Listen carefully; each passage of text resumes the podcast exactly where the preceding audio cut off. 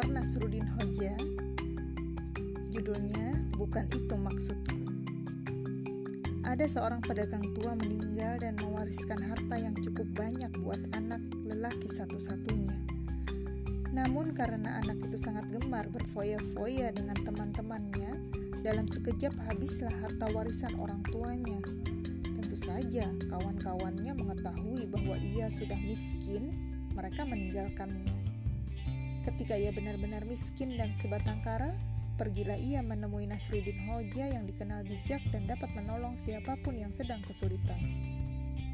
Hartaku sudah habis dan kawan-kawanku semuanya telah meninggalkanku, kata anak lelaki itu. Tolong ramalkan apa yang akan terjadi pada saya. Oh, jangan khawatir, jawab Nasruddin Hoja. Segalanya akan beres kembali.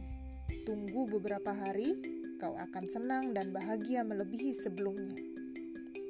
Anak lelaki itu gembira bukan main mendengar kata-kata itu. Jadi, saya akan kembali menjadi kaya raya? Tanyanya. Oh tidak, bukan itu maksudku. Kau salah tafsir. Maksudku ialah dalam waktu yang tak lama kau akan terbiasa menjadi orang miskin dan terbiasa pula tidak mempunyai teman.